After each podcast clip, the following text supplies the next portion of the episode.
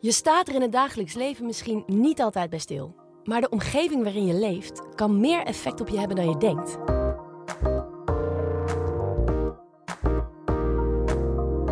Ik ben Nienke de la Rivebox. Welkom bij de RIVM-podcast Leefomgeving en Gezondheid.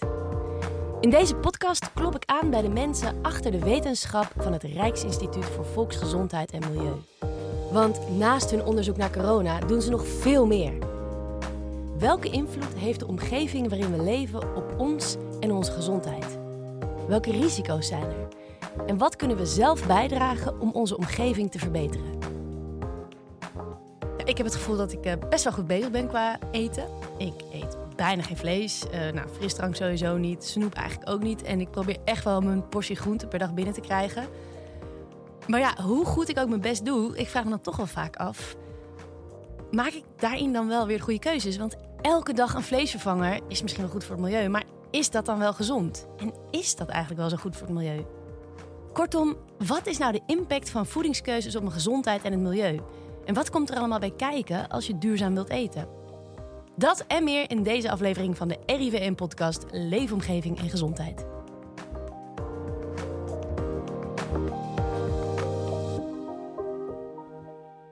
Degene die hopelijk antwoord gaat geven op al mijn vragen is Reina Vellinga. Ik heb vanochtend uh, kwark gegeten met muesli, met noten en een appel. Reina is wetenschappelijk medewerker op de afdeling Voeding en Gezondheid bij het RIVM. Waar komt bij jou die interesse voor duurzame voeding vandaan? Um, nou, ik, ik ben ooit begonnen met, uh, met, met voeding eigenlijk alleen. Dus ik, ik was op jonge leeftijd al geïnteresseerd in uh, wat, wat, voeding met je doet en hoe dat van invloed is op je gezondheid. En uh, mijn ouders of mijn opvoeding heeft daar ook wel een rol in gespeeld. Want wij kregen vroeger al uh, elke dag fruithapjes en moesten groenten eten. En um, vriendjes en vriendinnetjes die dan wel eens langskwamen, die, die vonden die fruithapjes eerst nooit zo lekker of leuk. Maar daarna was het wel altijd leuk, want oh ja, daar kreeg je altijd een fruithapje. En um, nou ja, op een gegeven moment in mijn studie, uh, toen ik bijna klaar was met, uh, met, met, studeren, nou ja, heb ik eigenlijk even zelf uh, een momentje voor mezelf genomen om na te denken van ja, waar wil ik eigenlijk in de toekomst um, aan gaan werken, wat, wat mij ehm, vanuit mezelf ook echt passioneert en, en waar ik zelf een, uh, heel veel interesse in, uh, in heb. En toen kwamen die fruithapjes weer naar boven. Ja, ja, ja, ja. nou ja, die fruithapjes, ja. En, en ook dus, ja, ik was gewoon niet alleen geïnteresseerd in wat het effect van ons voeding op onze gezondheid was, maar ook uh, hoe dat hele voedselsysteem dan in elkaar zet en zit.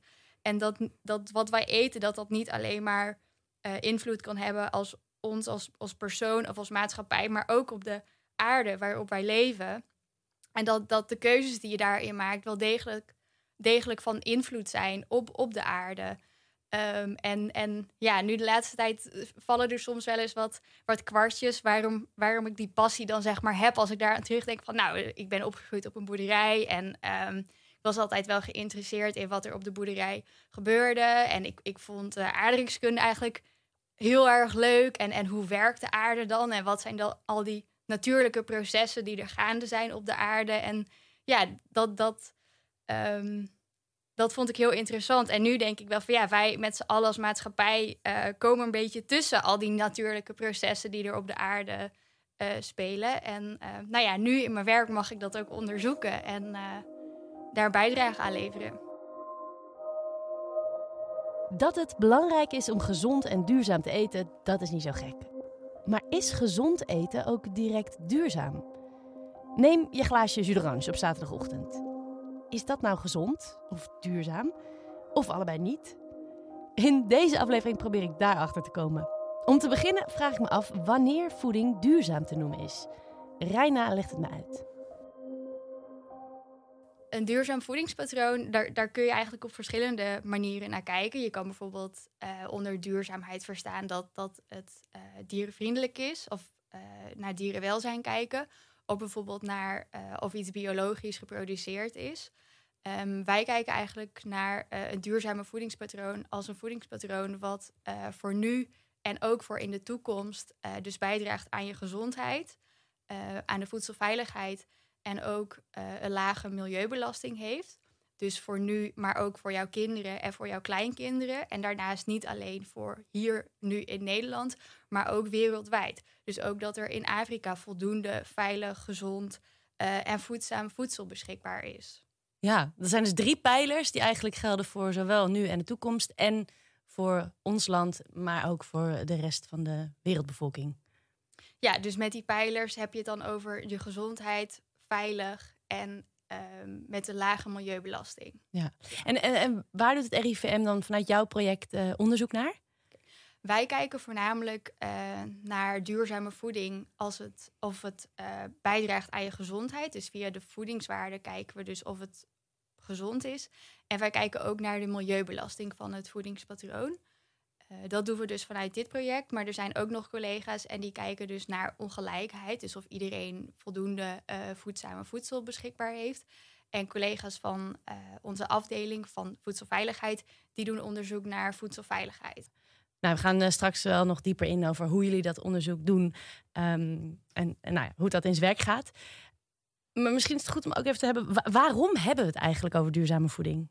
Nou, zowel de productie als de consumptie van, uh, van voeding heeft een hele hoge impact op zowel onze gezondheid als op het milieu. Uit onderzoek blijkt ook dat het huidige voedselsysteem uh, een hele grote drijver is voor slechte gezondheid. Dus bijvoorbeeld overgewicht en verhoogd risico op diabetes. En aan de andere kant heeft het huidige voedingssysteem een hele grote impact dus op het milieu. Uh, bijvoorbeeld 30% van de totale uitstoot van broeikasgassen, dat komt door het voedselsysteem uh, of de voedselproductie. Uh, eh, 40% van het totale landoppervlakte wereldwijd, dat wordt gebruikt voor onze voedselproductie. En ook 70% van het zoetwater wat beschikbaar is op de wereld, dat wordt gebruikt voor onze voedselproductie.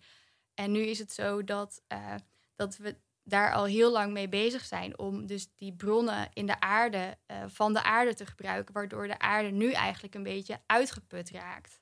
Ja. Um, en dat heeft dus gevolgen, zoals klimaatverandering uh, en ook verlies van biodiversiteit.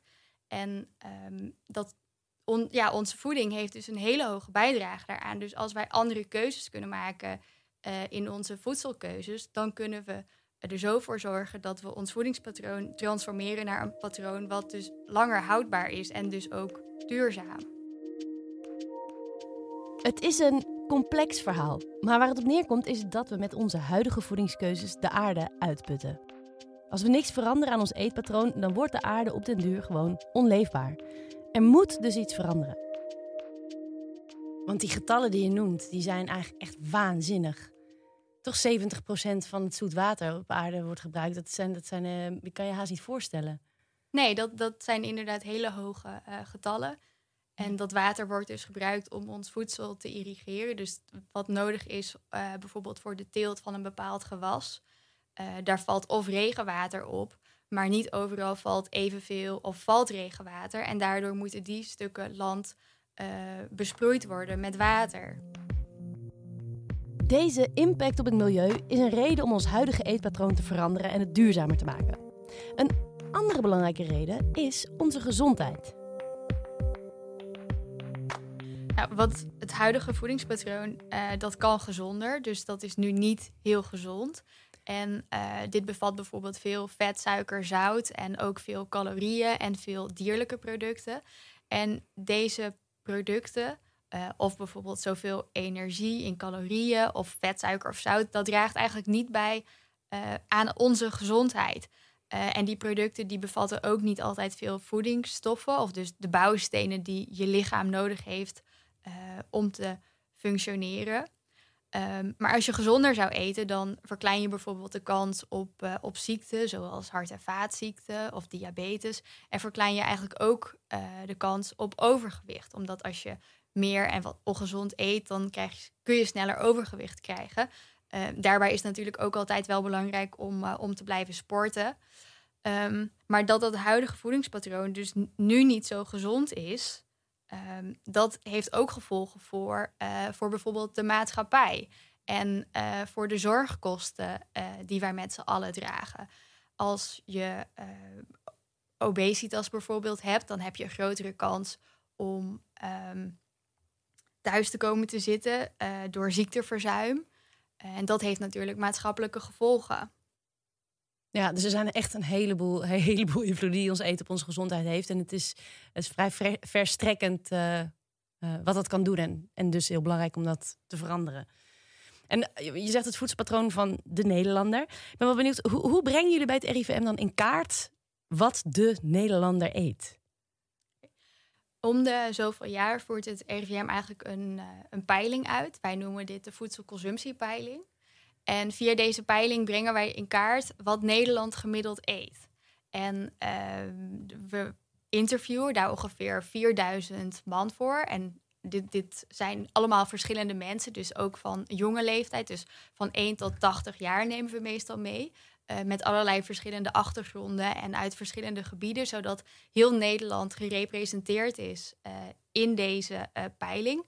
En wij vragen dan op twee dagen na wat zij de vorige dag hebben gegeten. Dus wij willen bijvoorbeeld weten waar iemand de dag mee gestart is. En dat kan bijvoorbeeld een boterham zijn. En wij willen dan weten ook of dit een witte boterham was of een volkoren boterham. En eigenlijk ook wat daarop zat. Dus zat daar kaas op of worst? En hoeveel kaas of hoeveel worst zat daar dan op? Uh, deed iemand er ook nog boter op? En was dit dan uh, roomboter of misschien wel halvarine. Heel gedetailleerd. ja, heel gedetailleerd willen we dat dus weten om zo dus heel goed in kaart te kunnen brengen uh, hoe dat gemiddelde voedingspatroon er in Nederland uh, uitziet. En op deze manier kunnen we weer in andere onderzoeken deze gegevens gebruiken om uitspraak te doen wat wij eten of hoeveel groenten wij eten. Ja, en, en, hoe, en hoe staat het dan nu eigenlijk voor met de gemiddelde Nederlander? Nou, het is in ieder geval goed om, uh, om te zeggen dat, er, dat iedereen weer net iets anders eet natuurlijk. En dat er dus tussen personen heel veel variatie is. Maar als we dan kijken naar het gemiddelde voedingspatroon, dan zien we eigenlijk dat we te weinig uh, producten eten zoals groenten, fruit, uh, peulvruchten en noten. Uh, we eten wel voldoende zuivelproducten, maar we eten bijvoorbeeld ook nog te veel vlees of uh, suikerhoudende dranken zoals frisdrank en uh, sappen.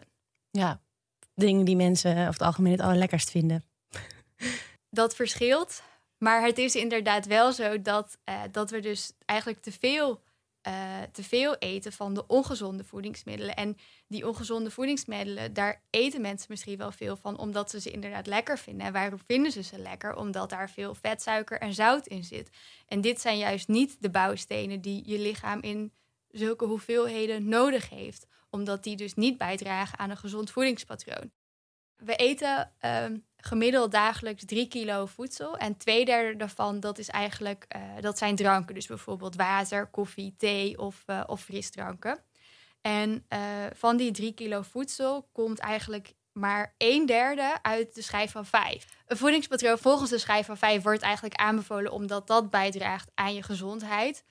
maar we eten dus twee derde op een dag van producten die niet worden aanbevolen voor een gezond voedingspatroon ja, dus nu eigenlijk te veel suiker, zout, vet.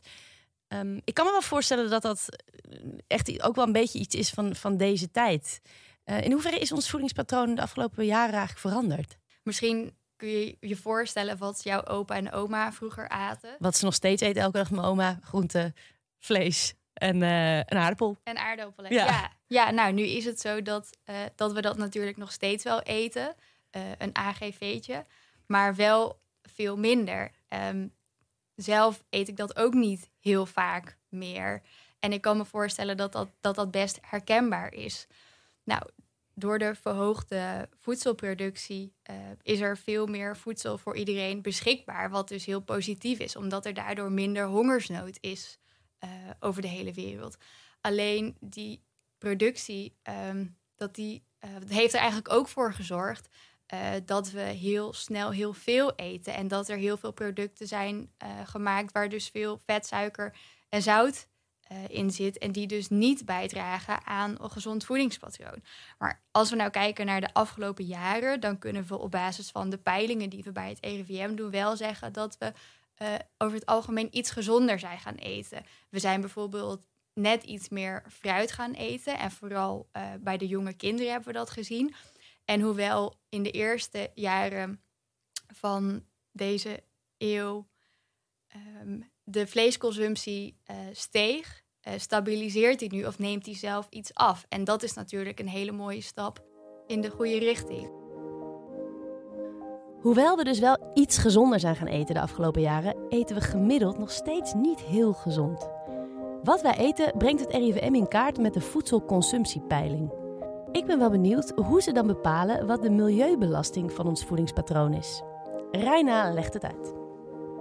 Via die voedselconsumptiepeiling weten wij welke voedingsmiddelen wij gemiddeld in Nederland veel eten of in grote hoeveelheden. En voor deze producten die dus veel bijdragen aan wat wij op een dag eten, hebben we een uh, levenscyclusanalyse uitgevoerd. En dit is eigenlijk een methode om de milieubelasting van een bepaald voedingsmiddel per kilogram uit te drukken. Wow, dus... wacht wel even. Dus de levenscyclusanalyse. En dat is dan de levenscyclus van het voedingsmiddel. Ja, dat klopt inderdaad. Dus dat begint, dat kun je je misschien voorstellen, uh, op de boerderij. Uh, daar wordt een product bijvoorbeeld uh, geteeld. En wij willen vervolgens weten um, hoeveel kunstmest of mest of voedingsstoffen voor een bepaald product zijn gebruikt. Of hoe lang daarover gedaan is om een product te laten groeien. Of hoe lang heeft een product op de akker gestaan. Vervolgens gaat het product naar een distributiecentrum. Dus het verlaat eerst de boerderij. En we willen dan ook weten wat is de afstand tussen de boerderij en het distributiecentrum. Of misschien wordt het eerst nog wel bewerkt in de fabriek. Of wordt het geschild en gesneden en verpakt. Nou, vervolgens belandt het natuurlijk in de supermarkt. Uh, maar in de supermarkt kan het ook in de koeling leggen, liggen. Dus wij willen ook weten hoe lang ligt een product gemiddeld in de koeling van de supermarkt. Uh, en daarna gaat het naar de consument. En misschien bewaar jij het een in de koelkast en het ander bewaar je gewoon in je voorraadkast. Uh, al die gegevens hebben wij eigenlijk nodig, of willen wij weten om te weten wat de milieudruk van een voedingsmiddel is. En voordat je het consumeert, ga je het ook nog bereiden. Dus je gaat het bijvoorbeeld schillen en verhitten. Ehm, en daarvan, dat nemen wij eigenlijk ook mee. Uh, en ook wat je niet opeet, of ja, dat hoort daar ook bij. Ja, ja, wat er zeg maar weer van wordt weggegooid. Ja. Dat, dat hoort bij de levenscyclus van dat product. Ja. Wat er van dat product wordt weggegooid. Uh... Ja, ja, dus eigenlijk heb je door de hele keten van een product... heb je ook uh, met verliezen te maken. Uh, voedselverlies. Dus bijvoorbeeld ehm, in de fabriek valt er vast. Ja, ja, ja als je aardappels gaat schillen, dan, uh, dan de schil die eraf valt, dat is ook weer een restproduct en daar moet je weer wat mee. Ja, ja dus dat tel je allemaal mee. Maar hoe, hoe druk je die milieubelasting dan, dan uiteindelijk uit?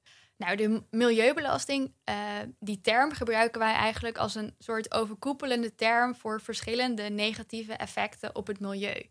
Dus um, je hebt waarschijnlijk wel gehoord van uh, de CO2-uitstoot. Nou, dat is een hele belangrijk uh, aspect, want de CO2-uitstoot heeft grote negatieve gevolgen uh, op het milieu en is ook een van de belangrijkste negatieve gevolgen.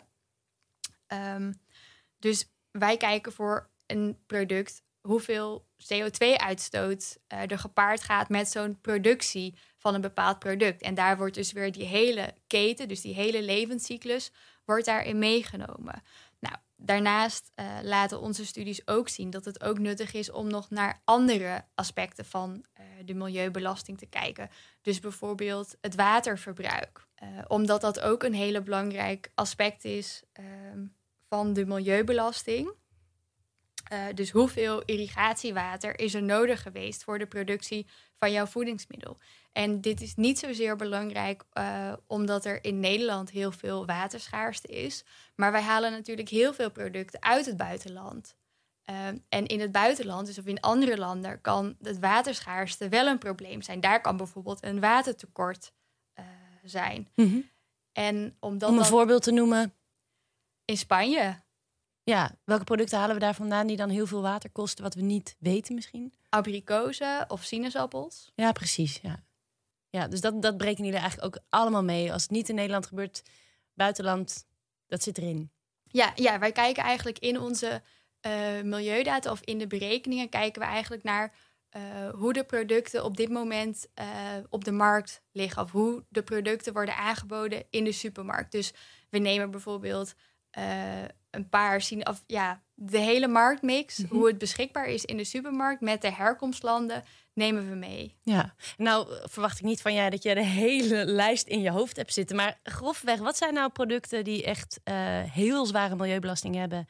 En wat zijn de producten die dat minder hebben?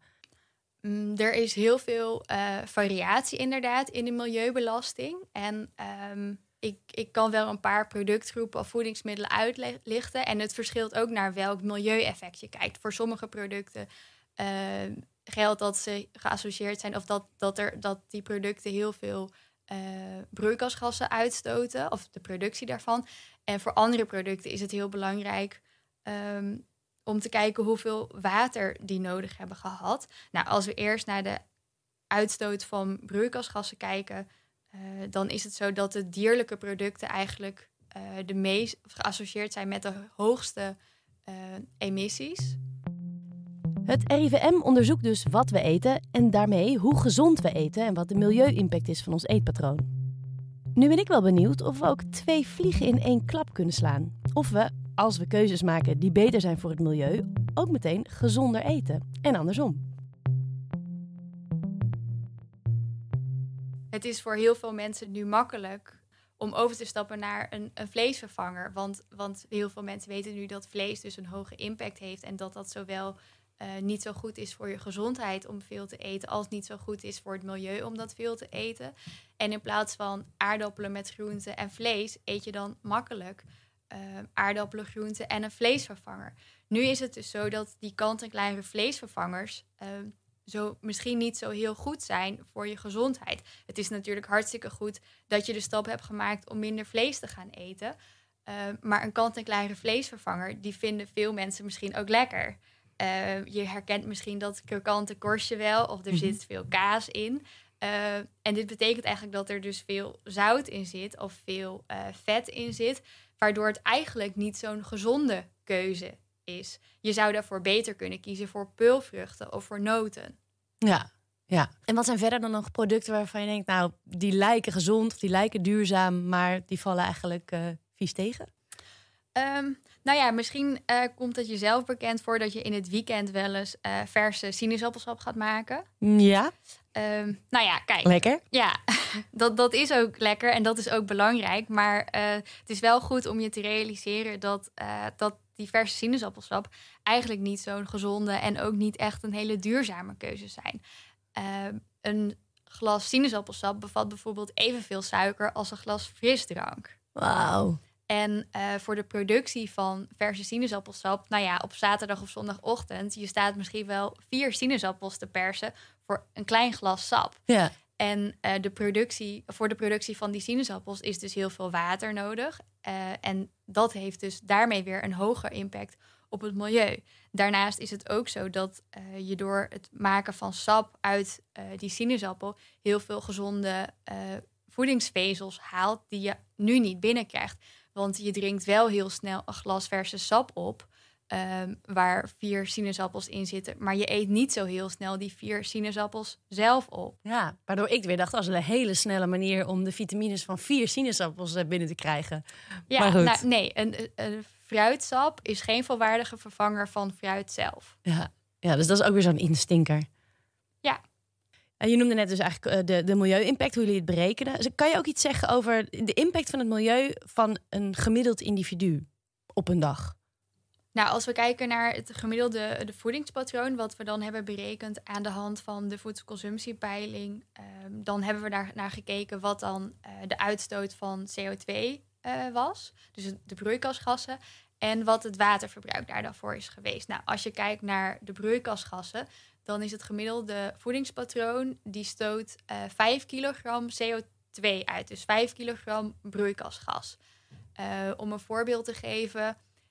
5 kilo uh, broeikasgas, dat staat ongeveer gelijk aan uh, 25 tot 50 kilometer uh, met een auto rijden. Maar daarbij is het ook wel heel belangrijk om te noemen dat er ook heel veel variatie is in de milieubelasting. Um, sommige voedingspatronen die zijn, die hebben een broeikasgasemissie van 3 kilogram, maar andere hebben een broeikasgasemissie van bijvoorbeeld 7,5 kilo. Uh, dus de voedselkeuzes die je maakt, die zijn eigenlijk heel erg belangrijk, omdat je daarmee dus uh, die uitstoot van broeikasgassen kan verkleinen. Maar betekent dat dat ik, ik eet, probeer dus vrij duurzaam te eten, geen vlees, nou, et cetera, et cetera, dat, dat mijn voed, uh, voedselpatroon alsnog drie kilo broeikasgas per dag uitstoot? Dat ligt er heel erg aan wel, welke voedingskeuzes of welke voedselkeuzes je maakt. En uh, vlees draagt heel erg veel bij aan je dagelijkse uh, broeikasgas uh, of de uitstoot van broeikasgassen. Vlees is voor ongeveer 40% verantwoordelijk uh, van je dagelijkse uitstoot van broeikasgassen. Dus als mm -hmm. jij geen vlees eet, dan is het vaak wel zo dat je voedingspatroon um, al een lagere uitstoot van broeikasgas heeft. Maar je kan ook geen vlees eten, maar wel heel veel andere belastende producten, zoals kaas. Want kaas heeft ook best een hoge impact uh, op het milieu. En als jij in plaats van vlees, uh, heel, of geen vlees, heel veel zuivel neemt, kan dat ook een hoge impact hebben op het milieu. En als jij in plaats van geen vlees bijvoorbeeld heel veel groente, fruit of noten eet die uit verre landen komen waar het heel erg droog is en waar heel veel water voor nodig is, dan kan het wel zo zijn dat, dat je heel erg bijdraagt aan het, of dat jouw voedingspatroon een hele hoge uh, of heel veel irrigatie of heel veel zoet water nodig heeft. Waardoor je dus misschien wel denkt dat je goed bezig bent. Um, maar dan maar dat valt vies tegen. Dan. Nou, dat, nou ja, dat, maar dat is heel erg afhankelijk van de keuzes die je maakt. En ja. het is ook niet zo dat per se dat één voedingspatroon uh, of één voedingsmiddel heel ongezond of heel gezond of heel duurzaam of niet duurzaam is. Je moet gewoon naar je hele voedingspatroon kijken. Ja, maar het, is, het vergt nogal studie als ik het zo hoor wel. Ik bedoel, het is ook jouw studie, maar het is best ingewikkeld eigenlijk. Wat nou wel goed is. En het ene is dan weer wel goed voor je gezondheid en het andere uh, voor het milieu. Maar het is best wel een puzzeltje. Nou, het is wel zo dat gezonde en duurzame voeding gelukkig heel goed hand in hand gaan. Uh, of producten, voedingsmiddelen die gezond voor je zijn en die bijdragen aan jouw gezondheid, die zijn vaak ook duurzamer. Um, als je bijvoorbeeld beter volgens de schijf van vijf zou gaan eten, dan ga je ook automatisch duurzamer eten. Uh, om een paar voor, voorbeelden te noemen. Uh, een gekookte aardappel is gezonder en milieuvriendelijker dan friet. Een snee volkorenbrood is gezonder en duurzamer dan een snee witbrood. Waarom is dat eigenlijk? Um, voor de productie van één volkorenbrood is meer, minder um, graan nodig, omdat je voor volkorenbrood oh, de hele graan kan gebruiken en ja. voor witbrood niet. Nee, voor witbrood gooi je de vliesjes weg. Dus ja, ja, dus oh, dan heb je veel meer grondstoffen nodig om, of veel, ja, in de hoeveelheid veel meer nodig. Ja, oh, nooit geweten. En uh, nu is het ook nog zo dat uh, als je bijvoorbeeld. Ik, ik, gaf in het begin ook aan dat ik zelf uh, wel van dat ik kaas lekker vind. En dat ik daar wel bewust mee omga. Maar voor kaas is het ook zo. Kijk, als je dat nou niet kan laten staan, dan kun je ook voor kaas andere keuzes maken. Je kan dan bijvoorbeeld kiezen voor een wat jongere kaas of voor um, een kaas waar minder vet in zit, vergeleken met een wat oudere kaas en een vettere kaas. En die jongere kaas, uh, die is zowel gezonder en ook milieuvriendelijker. Ja, God, dat moet je ook maar net weten. Nou ja, dat weet je dan door deze podcast te luisteren. en wat zijn de producten waarvan je zou denken dat ze gezond zijn of goed voor het milieu, maar wat eigenlijk minder goed is dan, dan je dacht? Nou, we hadden het uh, zo straks volgens mij, of noemde jij al even dat je af en toe wel eens een, uh, een vleesvervanger eet. Nou, ik, ik, weet niet of dat uh, een kant-en-klare vleesvervanger is. Maar nu is het zo dat die kant-en-klare vleesvervangers eigenlijk niet zo gezond zijn en ook niet duurzaam zijn. Oh. Ik dacht dat ik zo goed bezig was. Ja, nou, het, het, is natuurlijk heel goed dat, dat je vlees laat, laat staan of minder vlees eet. Dat kan ik alleen maar toejuichen. Maar ik wil je wel graag vertellen dat dus die kant-en-klare vleesvervangers... ja, misschien vind je ze wel heel lekker en misschien... Ja, nou ja, als ik zin heb in vlees, is het een goede vervanger, ja. Ja, en, en, maar, maar kies je dan voor iets, iets wat er heel krokant uitziet... of iets met kaas... Ja, vaak wel met kaas, ja. Ja, en, en nou ja, dat is dus dan ook weer niet, niet zo duurzaam. Je, kan dan, je zou dan beter ervoor kunnen kiezen om, om uh, in plaats van zo'n kant-en-klare vleesvervanger te eten waar veel uh, vet of zout in zit en heel erg bewerkt is. Dus al die bewerkingsstappen die nodig zijn in de fabriek, die uh, hebben ook grote negatieve gevolgen op het milieu. je zou dan beter kunnen kiezen voor eh, noten, peulvruchten of bijvoorbeeld tofu of tempeh. En dat staat ook in de schijf van vijf. Maar net zei je dat noten en peulvruchten dat dat weer veel water kost in zuidelijke landen. Of noten, zei je. Ja, voor noten. Um, het klopt inderdaad dat, dat voor de productie van noten um, veel water nodig is. Uh, nu is het ook zo dat we dagelijks niet uh, heel veel noten moeten eten. Dit is ongeveer 15 gram, dat is een handje noten.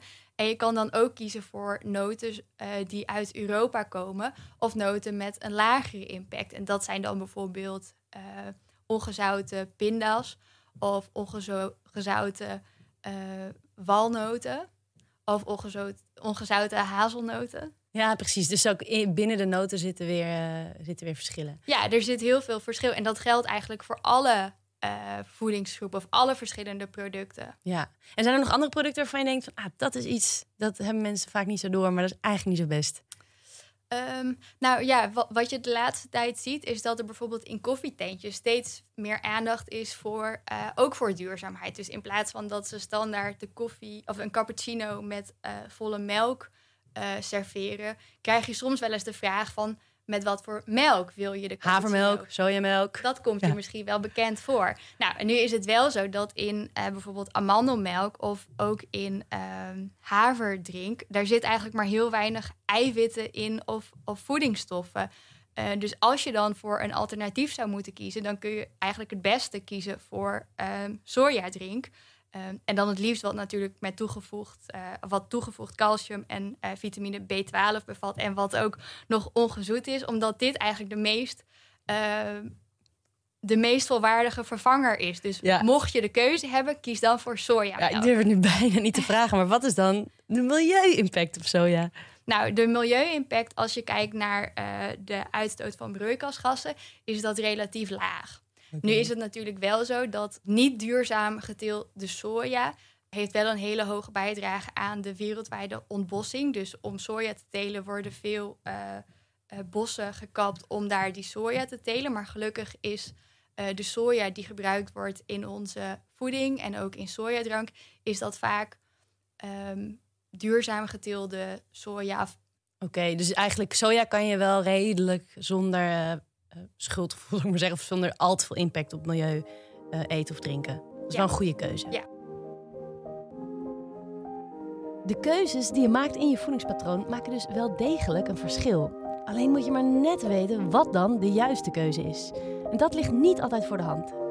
Reina vertelt dat het ons ook niet altijd even makkelijk wordt gemaakt. We worden dagelijks uh, aan weet ik niet hoeveel keuzes blootgesteld die je bewust of onbewust maakt. Nou ja, de voedselkeuzes die we maken, die zijn vaak uh, of rationeel.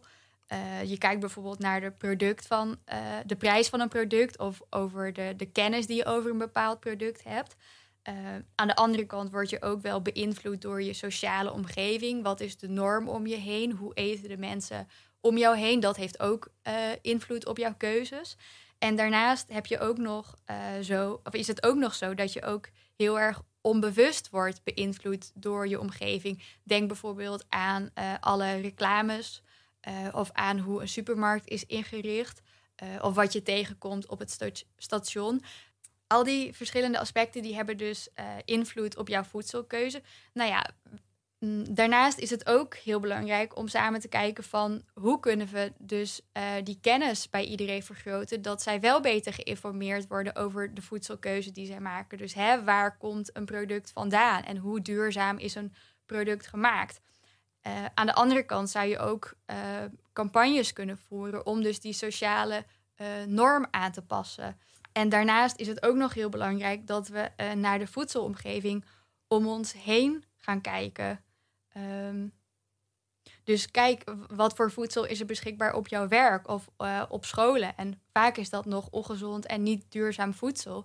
En dat aanbod zou dus ook gezonder en duurzamer moeten, zodat je op een uh, betere manier je keuzes kan maken.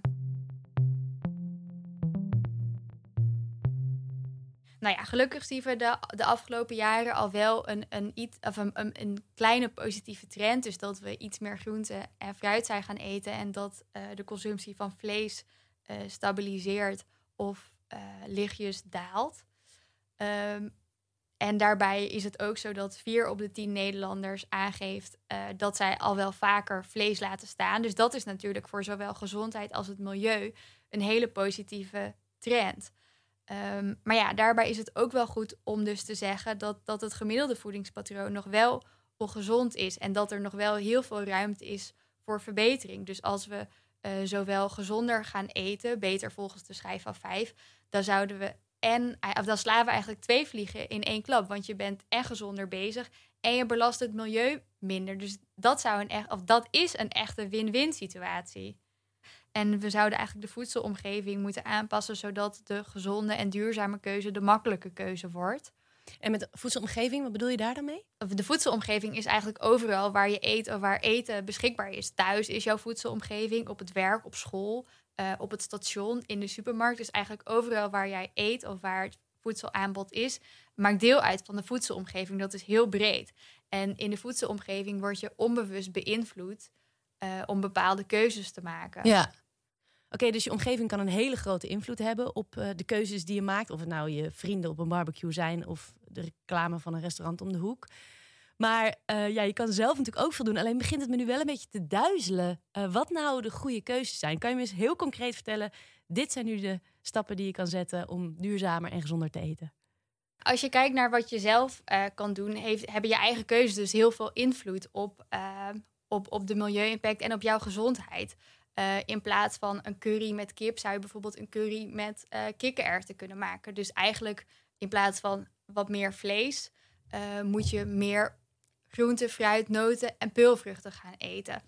Um, daarnaast is het ook zo dat de consumptie van bijvoorbeeld uh, frisdranken en sappen, maar ook uh, suikergoed, snoep en snacks, dat dat eigenlijk een onnodig hoge impact heeft. Dus dat als je dat vervangt door uh, gezondere alternatieven, dan ben je en gezond en duurzaam bezig.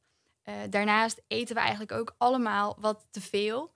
Dus minder eten is zowel en goed voor je gezondheid en heeft ook een lagere milieu-impact. Daarbij is het natuurlijk ook heel belangrijk om te letten op voedselverspilling. Want met ja, voedselverspilling uh, heb je een onnodig hoge impact, want dat hoeft niet. Je kan bijvoorbeeld ook, of ja, kies bijvoorbeeld voor seizoensproducten of producten die uit Nederland komen. Die seizoensgroenten, dat hangt dus heel erg samen met het seizoen. Dus je kan je voorstellen dat als je uh, in het goede seizoen, dan, dan zijn de weersomstandigheden het best om een bepaald de fruitsoort te laten groeien. Uh, dus dan zijn er veel meer andere uh, hulpbronnen nodig, zoals een verwarmde kas, om die, dat fruit of groente te laten groeien. Ja. Um, dus als je het uit het seizoen haalt, dan is dat beter voor het milieu. Um, daarnaast is het ook zo dat je beter kan kiezen voor lokale producten, zoals bijvoorbeeld appels en peren uit Nederland, dan voor producten uh, die uit het buitenland komen, omdat daar. Uh, Heel veel water voor is gebruikt. Ja, omdat zo, om, ja, inderdaad, om zo ook uh, de impact op het verbruik van water te beperken. Ja. Ik ga de punten die Reina noemde zeker meenemen bij mijn keuzes in de supermarkt.